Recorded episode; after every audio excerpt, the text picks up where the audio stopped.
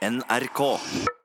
Om du har vært eh, referanse for noen som har søkt ny jobb Ja, det Ja. har jeg vært. Eh, Referanse det er jo sånn at eh, de som eventuelt skal ansette deg, eller noen som har ansvar for det, ringer deg da som en sånn tredjepart og hører er det egentlig en grei kar.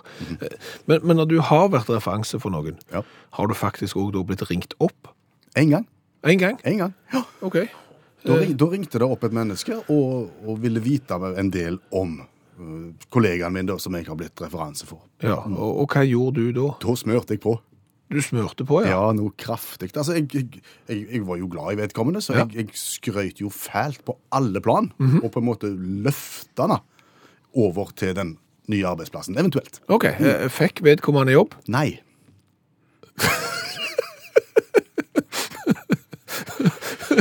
Har du, har du gjort deg noen tanker om nettopp det? Ja, det har jeg. Hva, hva da? Nei, jeg, jeg ble da i stuss, for jeg fikk jo vite ganske raskt etterpå at vedkommende ikke fikk jobb. Og da tenkte jeg eh, Smørte jeg for mye på? Tok jeg for mye Møllerstrand, på en måte? Ja. Kan det bli for mye av det gode? Ja, så, sånn at det, Kan det være negativt å være for positive? Ja, jeg tenker kanskje det. Jeg burde kanskje holdt litt grann igjen på noe, og at det hadde virka litt mer troverdig. da, når Alt var bra. Alt var bare helt Ja, for verden er jo ofte grå, Ja. eh, med hvite partier og svarte partier, og så blir fasiten grå. Du, du var Jeg var helt blenda kvitt. Det var blenda kvitt, Ja, ja. ja. Jo, men det ser du. Altså, det, er, det kan være negativt hvis ting er for positivt, men, men det som kanskje er enda mer negativt, vil jeg tippe, det er når sjefen er positive. Er det mer negativt når sjefen er positive? Altså, for jeg vet at det skjer. Jeg eh, skjønner ikke helt hvorfor, men det er jo de som, som setter opp sjefen som referanse når de søker ny jobb. Ja.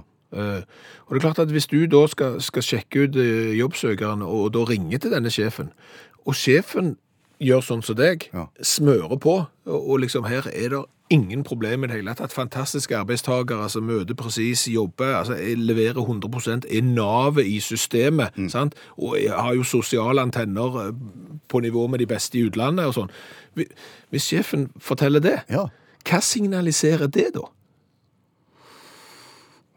Det kan egentlig signalisere to ting. At sjefen er kjempefornøyd med vedkommende, eller, tenker jeg, at sjefen har lyst til å bli kvitt vedkommende. Ja, det er det jeg òg tenker. At Hvis noen hadde smurt på så voldsomt, så vil jo eh, det signalisere i hvert fall for meg at sjefen er jo overhodet ikke interessert i å beholde denne arbeidstakeren.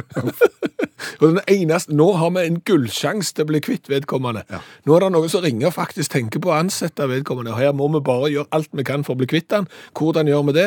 Vi forteller ting som ikke er sant, men vi smører på. Vi lager e- et rosa bilde av, av vedkommende. Og motsatt, da, i tilfelle hvis du har lyst til å beholde vedkommende. Ja, det tror jeg. Eh, Da ringer en liksom, ja, hvordan er Svendsen? Nei, Svendsen, for å si det sånn, hadde jeg vært dere, så ville jeg ikke tenkt på Svendsen engang. Eh, Svendsen er en latsabb. Han er ikke mye Nav i dette systemet. Han burde kanskje vært på Nav istedenfor, for det er krise fra ende til annen. Og da vil jo den nye arbeids, eh, potensielle arbeidsgiveren ikke være interessert i det hele tatt. Og du som, som arbeidsgiver ble jo sittende igjen med den kapasiteten du faktisk vil ha. Du tror ikke at de som ringer rundt, gjerne er litt profesjonelle headhuntere og sånn, og er i stand til å avsløre den type spill? Kanskje, men, men, men, men det, det er ikke lett. Nei, er fordi ikke at du kan, et skussmål kan, være både et ønske om å bli kvitt noen, samtidig som det faktisk er et skussmål. Og jeg vet ikke om de tenker på det. Vi er ikke mer enn mennesker. Nei, nei, nei, men jeg tenker jo Hvis jeg som arbeidstaker vil søke ny jobb et annet sted, Ja. og går til sjefen min, Ja. Og jeg vet at sjefen min er veldig fornøyd med meg, og sjefen da i intervju med en referanseintervjuer sier at jeg er en latsabb, Mm. så er ikke det pent. Du må jo kunne forvente at sjefen da sier sannheten. Ja, men, men, men, men, det- er jo en ting her. For jeg snakket med en person i går som også hadde vært søkt opp som referanse, og vi diskuterte dette her. Sant? Og du blir jo satt opp som referanse fordi at den som vil ha deg som referanse, stoler på deg om Ja, at du kan si noe fint. Så spurte jeg eh, hva gjorde du når du ble ringt opp? Jeg sa så sant var jeg. Må ikke finne på å ansette han. så, så det, Ja, Var det fikk- fordi han ville ha han sjøl, eller var det, at det, eller var det et, et oppriktig godt råd? Det var et oppriktig godt råd. Vedkommende var 100% udugelig. Forbrukertips. Ja. Det er jo noe media presenterer svært ofte. Eh, Og det er jo bra. Godt stoff. Ja, for, for all del, fordi at eh, folk lærer jo litt, Ja. eh, og de blir oppmerksomme på ting. Og ofte da så er jo dette forbrukertips som angår svært mange. Mm. De, de forbrukertipsene som angår svært få, de blir sjelden tatt opp.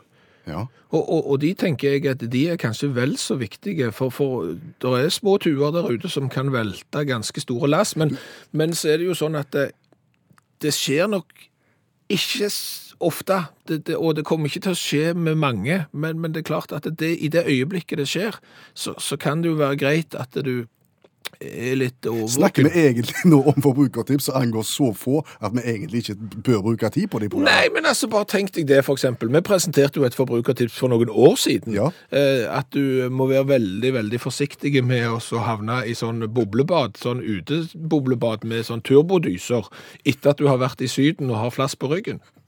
Ja. Ja. For det ser ikke bra ut etterpå. Nei, fordi at disse turbodysene gjør jo at eh, hele huden løsner jo. Og, og den er jo lettere enn vann. Så den blir jo liggende som ei hinne. Det blir hud, hudhinne i bassenget. Ja, Det, det er sant. Og det er gjerne et forbrukertips som ikke veldig mange egentlig kommer til å ha bruk for. Men, men de som har bruk for det, de kommer til å være kjempeglade for at de faktisk hørte det. Har vi ett til? Ja, altså det er jo den der greia, så, så du òg skal være litt grann over, årvåken over. Det er jo f.eks. hvis du kjenner lukta av tigerbalsam. Ja, Det er litt sånn sterke mentolaktige lukt, er det ikke det? Ja, helt spesielt. Det blir jo gjerne brukt mot eh, på, på muskler og sånn. Du smører inn etter trening eller sånn fordi at du, eller du har en muskelskade, så smører du med, med, med tigerbalsam. Og det, og det lukter veldig spesielt. Sånn at hvis du f.eks. kjenner den lukta der inne på badet, allerede da, der kan det være lurt at du begynner å tenke at OK, Hva hva var det jeg hørte på utakt nå? Ok, Hvorfor er lukten av tigerbalsam noe en skal være forsiktig med? Nei, fordi at jeg kom hjem fra fotballtrening i går. Ja, fotballtrening, fotballtrening, det er oldboys-trening, så det er bevegelse med ball. Og, og, og så, da må jeg jo dusje, sant? Og så kjente jeg jo denne litt liflige duften av tigerbalsam på badet, og jeg må si jeg liker den. Ja, ja. Det, det bringer meg tilbake til, til fotballgarderober på 80-tallet, alle tider, så jeg liksom, hm, sant? Og så, så dusjer du der. Og så, så reflekterer du ikke noe mer over at du har kjent lukta av tigerbalsam. Sant? Og så er du ferdig å dusje og sånn, og da har du litt sånn øyne, der henger håndkle, så tar du håndkle, og så begynner du å tørke deg. Og så lukter jo håndkle ganske sterkt av tigerbalsam. Å ja. Ja, ja, det er jo fint. Så tørker du deg, det første du gjør er jo gjerne å tørke deg i ansiktet. ja. Og når du er ferdig med det, så tørker du resten av kroppen, og så slutter du jo sånn omtrent på midtpartiet, sånn frontalt. Ja. Sant? Og det er jo da du finner ut at det håndkleet som lukter tigerbalsam, det lukter jo tigerbalsam fordi det er tigerbalsam på det. eh, og når du da har tørkt deg i ansiktet, rundt øynene med, med dette håndkleet med tigerbalsam, så merkes det. Det gjør det. Og når du til slutt har, har avslutta tørkeprosessen i midtregionen Så merkes det, nedentil, merkes det der òg. så så merkes det der òg. Ja. Og, og den litt liflige lukta av tigerbalsam går over til en ikke fullt så liflig eh, svie, kan du si. Sant? Og det, det er bare det jeg vil si som forbrukertips, at, det, at når du kjenner lukta av tigerbalsam, så er det veldig greit å så vite hvorfor er det tigerbalsam der inne, og, og hva er tigerbalsamlukten, kom, hvor kommer den ifra? For det viste seg jo faktisk da at det var noen som hadde hatt litt muskulære problemer, og hadde måttet bruke eh, tigerbalsam, og så hadde brukt et håndkle til å tørke vekk overskytende masse med. Lurte litt på hvorfor det lukta tigerbalsam på kontoret i morges òg. Ja. Det sitter i, sant? Du, Hvis jeg sier 1984, Ja, hva tenker du da? eh, da tenker jeg på det beste musikkåret i verdenshistorien ved siden av 1985. Altså Hvis du ikke er enig i at 1984 og 1985 er de beste musikkårene noensinne, så, så har du et problem, og, og da må du gå i deg sjøl. Da er det ikke så mye mer vi kan gjøre. Nei. Nei. Jeg regnet egentlig med at jeg skulle få det svaret der. Ja. Men hvis du tenker ut forbi musikkboksen, og jeg sier 1984 Du er fortsatt innenfor kunst og kultur? Ja, da, da vet jeg hvor du vil hen. Du vil til en bok som heter 1984, som jeg ikke har lest, eh, som svært mange har lest, og som jeg føler at jeg burde ha lest, sånn at jeg kunne framstå mye mer Mye smartere. mye smartere ja, enn jeg faktisk er. 1984, George Orwell. Ja, sant? stemmer det. Den er i dag gjenstand for vårt eh, litteraturkurs. Lær deg en klassiker på fire minutter. Ja, for hvis du er sånn som meg, eh, og faktisk deg òg, Ja. at, at du ikke har lest den boka, og har lyst til å framstå som om du har lest den, eh, så skal du følge med nå de nærmeste fire minuttene. For her kommer Janne Stigen Drangsholt, som er litteraturviter og forfatter, og tar oss gjennom 1984 på fire og et halvt minutt.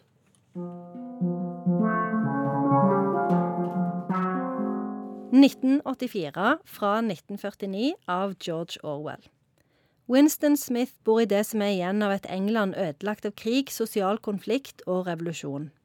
Tankepolitiet overvåker alle som kan vise det minste tegn til opprør, men likevel klarer Winston å innlede et tilsynelatende hemmelig forhold til Julia.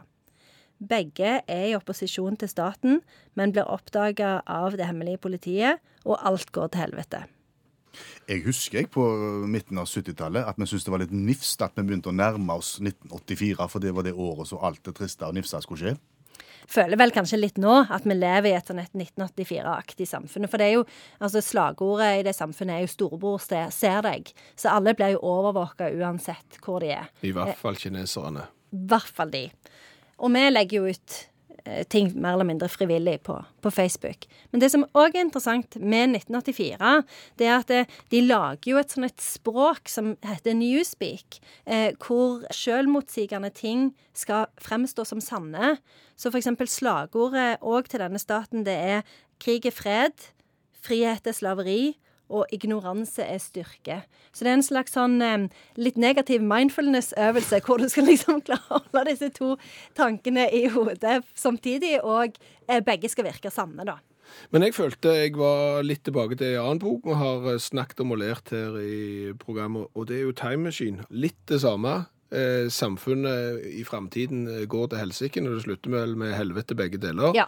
Bare at Wells han eh, reiste 790 000 år fram i tid, mens eh, George Orwell valgte 35. Ja. Fordi han ikke velger et veldig langt hopp, så var det jo mange som trodde at Orwell sin bok er en sånn kritikk av eh, sosialismen. At, han, at, det var en slags sånn Russland-kritikk av hva som kan skje eh, hvis liksom, kommunismen går for langt. da. Men det er det jo ikke. Altså Det som Orwell er bekymra for, det er eh, et samfunn hvor eh, individets frihet blir liksom ødelagt av staten. At statsmakten skal bli for sterk, rett og slett. Eh, men statsmakten er jo så mangt, og i et kapitalistisk samfunn så er det jo like mye altså snakker vi jo like mye om disse her store multinasjonale selskapene og, og, og Facebook og, og, alt dette andre som på en måte kan, kan komme inn og ta over, da. Men hva, hva type var han her, Orwell? Hva forutsetninger hadde han for å snakke om teknologi og, og ting som skulle skje 35 år lenger fram? Han var veldig opptatt av eh, politikk, da. Eh, så han var, jo, han var jo, sosialist. Eh, og han skrev jo òg eh, denne boka som heter 'Animal Farm', hvor eh, han på en måte beskrev eh, den russiske revolusjonen ved hjelp av å, å lage noen sånne dyrefigurer som bor på en, på en gård. Da. Så han var veldig opptatt av hvordan ser samfunnet egentlig ut hvis du ser det fra et annet perspektiv, da, altså hva det egentlig som holder på å skje her. Så han var veldig opptatt av at den fortellingen som vi forteller om oss sjøl og vårt eget samfunn, den er kanskje bare den som myndighetene vil at vi skal tro på for at alt skal fungere greit. Så han ville på en måte utfordre litt dette narrativet, da, eller den fortellingen. Hva traff han på, og hva bomma han på? Jeg syns han treffer på alt. Eh, jeg syns det er utrolig skummelt eh, å, å, lese eh, 1984. Det er ei kjempeskummel bok. Og det som skjer, det er jo at det, eh, til slutt så, så, så, forråder Winston og Julia hverandre. Altså, de elsker hverandre. Eh, men de forråder hverandre, og etter det så klarer de aldri å finne sammen igjen. Fordi at eh, de er så fulle av skam da, over at kjærligheten ikke var sterk nok. At liksom, samfunnet klarte å bryte det ned. da. Så, så det, jeg, det, 1984 er jo ei bok som alle bør lese. Har du et sitat? Jeg har et sitat. I krisesituasjoner kjemper vi ikke mot en utvendig fiende, men mot vår egen kropp. Så kampen er like mye inni ditt eget hode som mot utvendige fiender. Vi sitter her litt alvorstynga nå. Eh, klarer vi å oppsummere 1984 av George Orwell? Eh, 2018 er nok blitt som 1984 som ble skrevet i 1949. Og paret som forrådte hverandre, ville nok i 2018 ha gjort det på Facebook og lagt ut en post som du ikke burde ha lagt ut. Og Eurythmics skrev filmmusikken til filmen 1984, og det er kanskje deres dårligste sang. Perfekt. Tusen takk, Janne Stigen Drangsvold, forfatter og litteraturviter, tidligere hjelpetrener i friidrett, tidligere leder av FAU, og nå klassekontakt på andre trinn. Det er mye i den tittelen som skal være med. Ja, det er det. Men har du lyst til å høre denne boka på ny, og alle de andre bøkene vi har vært igjennom, og lære deg nesten et helt bibliotek nå, så er det bare å søke opp eh, kjente bøker på fire minutter der du laster ned eh, podkastene dine. Om jeg kan få lov til å synge en vignett? Ja, kom an, kom an. 20 spørsmål for utakt studio. Ingen publikum i midten, ingen band og ingen panel. Dum, dum. Jeg føler ikke at du trekker massene mot radioapparatene. Nei, nei, jeg, jeg, nei kanskje ikke. Men, men uh, ideen var jo for så vidt god. Ok, Og den bygger på det klassiske 20 spørsmål-konseptet? Ja, som har gått i mange, mange år på, på NRK, der du har to eh, lag som skal klare ved hjelp av 20 spørsmål og bare ja- og nei-svar gjette seg fram til hva det er snakk om. Ja. Og så er det eh, publikum, og så er det band, eh, og så tenkte vi at det er noe litt dumt at den programposten er lagt ned. Eh, kanskje vi skal prøve å lage vår egen versjon uten publikum, uten band. og Uten lag. Uten lag, ja. Ja. ja. Men nedskalerer voldsomt, og hvordan gjør vi det da? Nei, men vi gjør det sånn, eh, fordi vi har jo heller ingen som sender inn ord. Nei. Så da må vi på en måte finne på ordet sjøl. Og en måte å finne ut av ord på sjøl, det er å gå inn på rubrikkannonser på internett og finne produkter som ligger til salgs, Ja. og bare plukke et av de. Du har nå funnet ett av dem. Ja. Eh, skal øyeblikk fortelle det til deg som hører på radio, og så skal jeg ikke vite hva det er, og så skal jeg ved hjelp av 20 spørsmål og bare ja-nei-svar prøve å finne ut hva du har funnet på nettet. Ja, og så er jo en viktig greie her er at du som hører på òg, enten kan du velge å være med og, og gjette, eller så kan du bare sitte og høre på eh, og høre hvor dårlig du er til å gjette. Eh, Men da må du jo vite hva det er du gjetter på. Ja, det er akkurat det. Sånn at nå skal jeg fortelle ordet, Ja. eh, så kan de som vil høre på, du må ta fingrene i ørene og så synge litt høyt, sånn. Snøfreser. Snøfreser. Er vi klar? Ja, 20 spørsmål? Fra nå. Ja, Er det noe jeg har bruk for? mm, kanskje. Kanskje. Uh, er det noe jeg har fra før? Nei. Er det noe eh, folk i mitt nærområde har? Noen, men, men ikke mange. Er det noe jeg bruker innendørs? Nei. Det var, det var såpass eh, mye latter at det gjør du iallfall ikke. Dette er utendørsting. Ja. Er det en pyntegjenstand? Nei. Nei. Overhodet ikke. Er det noe som har med en bil å gjøre? Nei. Nei. Er det noe som jeg kan ha i hagen? Til pynt? Nei, pyntegjenstand var det ikke. Nei, men altså ha i hagen som, som, som, som fontene, liksom. Ja, et eller annet ikke installasjon sånn. eller nei, noe. nei, det er okay. veldig dårlig installasjon. Er det en uh, tunge ting? Ja. Det er en tunge ting. ja. Relativt tunge. uh, er dette noe en bruker til et formål? Ja, Et formål. det er det. Er dette noe en Kan du ikke bare spørre om det er større enn en fyrstikkeske? Er det større enn en fyrstikkeske? Ja, det er det. Ja, ok. Det, er det er en tunge ting som er større enn en fyrstikkeske og brukes til et formål Mhm. som jeg ikke har bruk for. Jo, av og til, men, men, men i og Er det sesongbetont? Det er sesongbetont, ja. Elleve spørsmål. Er, jeg, er det noe jeg heller vil bruke på sommerhalvåret? Nei. Det er på vinterhalvåret. Har, vi har det med snø å gjøre? Ja. Det har med snø å gjøre. 13 spørsmål. Eh, Da er det noe tungt. Da er det, da er det en eh, Er det snøfreser? 14 spørsmål, og du klarte det. Det er en snøfreser. Det er jo kjempe. 5000 kroner for en 20 år gammel snøfreser til salgs i Holmestrandsområdet. Det er jo ikke snø her som jeg bor. Ja, det var jeg forrige uke, men han regna vekk nå. Så jeg, jeg, jeg sa ikke at du trengte det ofte, men det kunne være kjekt å ha. Ja. ja. Det var 20 spørsmål i utaktversjon. Ja, Kom for å bli. jeg er ikke sikker. Dagens revyvise. Mm, Vår lille utfordring til oss sjøl, der vi kommenterer et aktuelt eh, oppslag ved hjelp av ei vise på 20-20 sekunder. Ja, eh, og det er jo da basert på, på nyhetene et eller annet sted i verden. Og det er klart at eh, verden er jo stor. Veldig stor. Altså utlandet er vel det største landet i verden. Ja, det er etter det vi har grunn til å tro, så er utlandet mye større enn alle andre land til sammen. Ja. Faktisk. Eh, og og en, en sak som, som vel ikke har nådd eh, forsiden i Norge ennå, men det er bare et spørsmål om tid, det er jo saken om eh, flyet som skulle fra Dubai til Amsterdam. Som måtte Nødlanda i Wien. Fordi Fordi det brøt ut slåsskamp mellom noen av passasjerene. Fordi Fordi en av passasjerene ikke ville slutte å fise. Er det sant? Ja, det er sant. Altså, Transavia Airlines Flight HV6902. Ja. Eh, flyet skulle fra Dubai til Amsterdam, som sagt. Og, da, og det er jo sånn at det, det er rekker av stoler, og, og på en av de rekkene satt en veldig flatulent mann, og han kjørte gassangrep etter gassangrep. Ja. Eh, og da ble de to som satt ved siden av, de ble relativt ugne, eh, i dårlig humør. Det, det lukta vondt, dette her. Ja, det var ikke trivelig i det hele tatt. En ting er liksom flymaten, den var gjerne ikke god. Det er ikke bedre når passasjeren ved siden av sitter og Slipper ut. Ja, så de tok jo da kontakt med, med flyselskapets mannskap, eh, men de gjorde ingenting.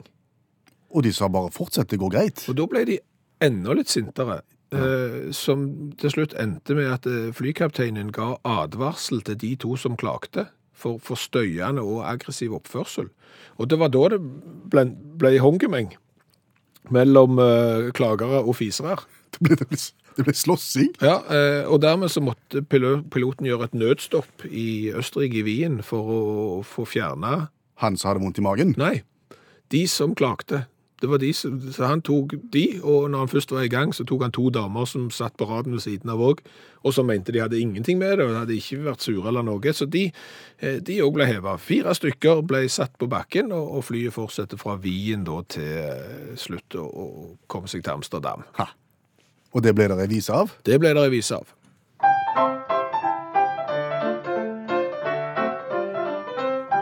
Det ble slåsskamp på flyet, og grunnen var en fis. Råtten bris fra en gris i massevis. Masse promp fra en stumt affære. Mannen flatulerte, nekte rumpevise. Mannen deklamerte. Og setekompisene bød opp til duell. Det ble spark og slag, men fortsatt rumpesmell. Flyet landet i Wien med ei i Amsterdam, i tråd med flyselskapets CO2-program. Mange melder oss underveis i programmet, enten via SMS eller e-post eller Instagram eller hvor som helst, med, med tips og innspill, og det setter vi pris på. Ja. Veldig kjekt. Utakt krøllalfa nrk.no er én inn. SMS til 1987. Start meldingen med utakt. Det er en annen vei inn. eller så kan du sende Telex. Det kan du også. Tor Selmer har sendt oss ikke en telex, men en e-post. Han har tenkt på en ting som han lurer på om vi kan belyse, eventuelt å forske litt på. Mange personer synes det er ubehagelig å bli kilt, altså kiling. Ja. Felles for alle er vel at det framkaller latter og litt sånn ubehagelighet hvis det skjer, iallfall hvis du ikke er forberedt på det. Det han lurer på, det er hvorfor ler man ikke, hvorfor føler man det ikke ubehagelig dersom man kiler seg selv på samme sted? Det er et veldig godt Det spørsmål. er et veldig godt spørsmål. Ja. Jeg, jeg tror det er mangel på trening. Mangel på trening. Ja, for, for det som jo uh, Tor Selmer her eh, skisserer, det er jo at det, kiling, Ja. selv om det kan være gøy å fremprovosere latter, så, så fremprovoserer du òg en form for ubehag. Ja. Sant? Så det er jo noe du ikke har lyst til å utsette deg for sjøl. Og det å utsette seg sjøl for smerte eh, krever jo en del trening. Ja. Sånn at eh, for å få det til, så, så, så må du øve. Ja, men altså, tenk deg det.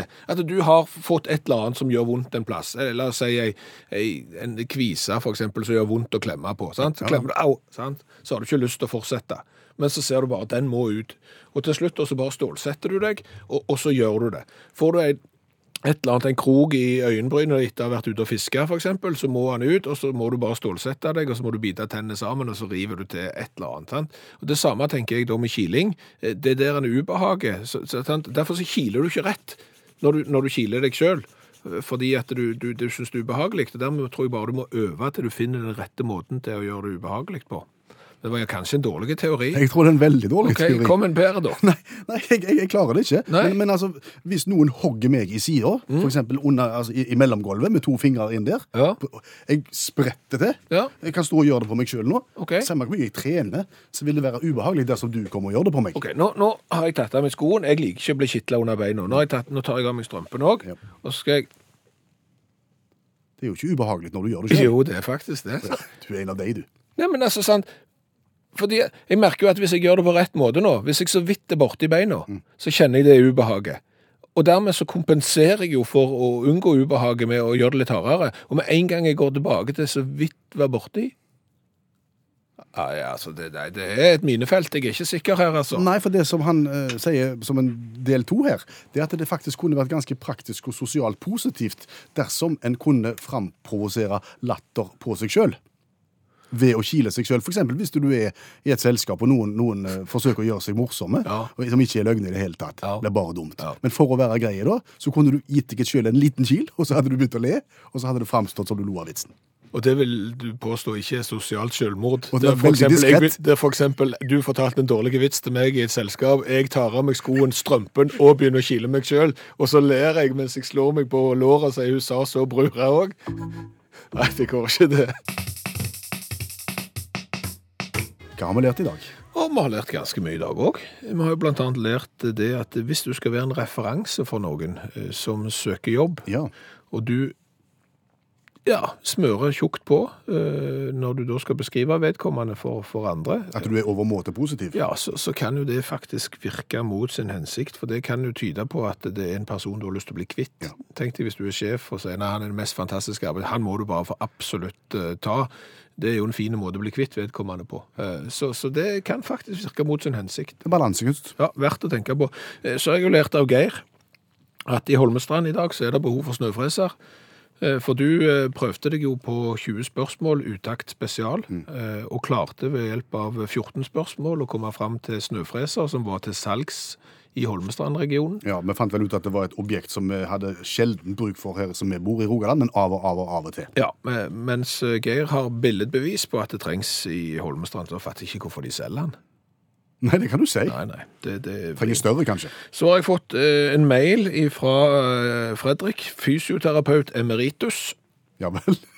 Da er du vel eh, Forhenværende. forhenværende fysioterapeut. Eh, han var litt eh, lite glad i min beskrivelse av hvordan du benytter deg av tigerbalsam. Ja vel. Eh, fordi at han sier det, det skal benyttes på sener, muskler, ledd, der du har vondt eller etter skade eller overanstrengelse. Det er for så vidt greit. Noen i min familie hadde brukt tigerbalsam til nettopp dette i går kveld, og hadde tørka av overskytende tigerbalsam masse fra bein og lår. Eh, Det håndkleet brukte jeg til å tørke meg med når jeg kom ut av dusjen, for jeg tok feil. Tørkte meg først i ansiktet og øynene, før jeg tørkte meg nedentil, sånn i midtregionen. Og da ble det varmt. Det svir begge plasser, for å si det sånn. Så det er en advarsel. Hør flere podkaster på nrk.no podkast.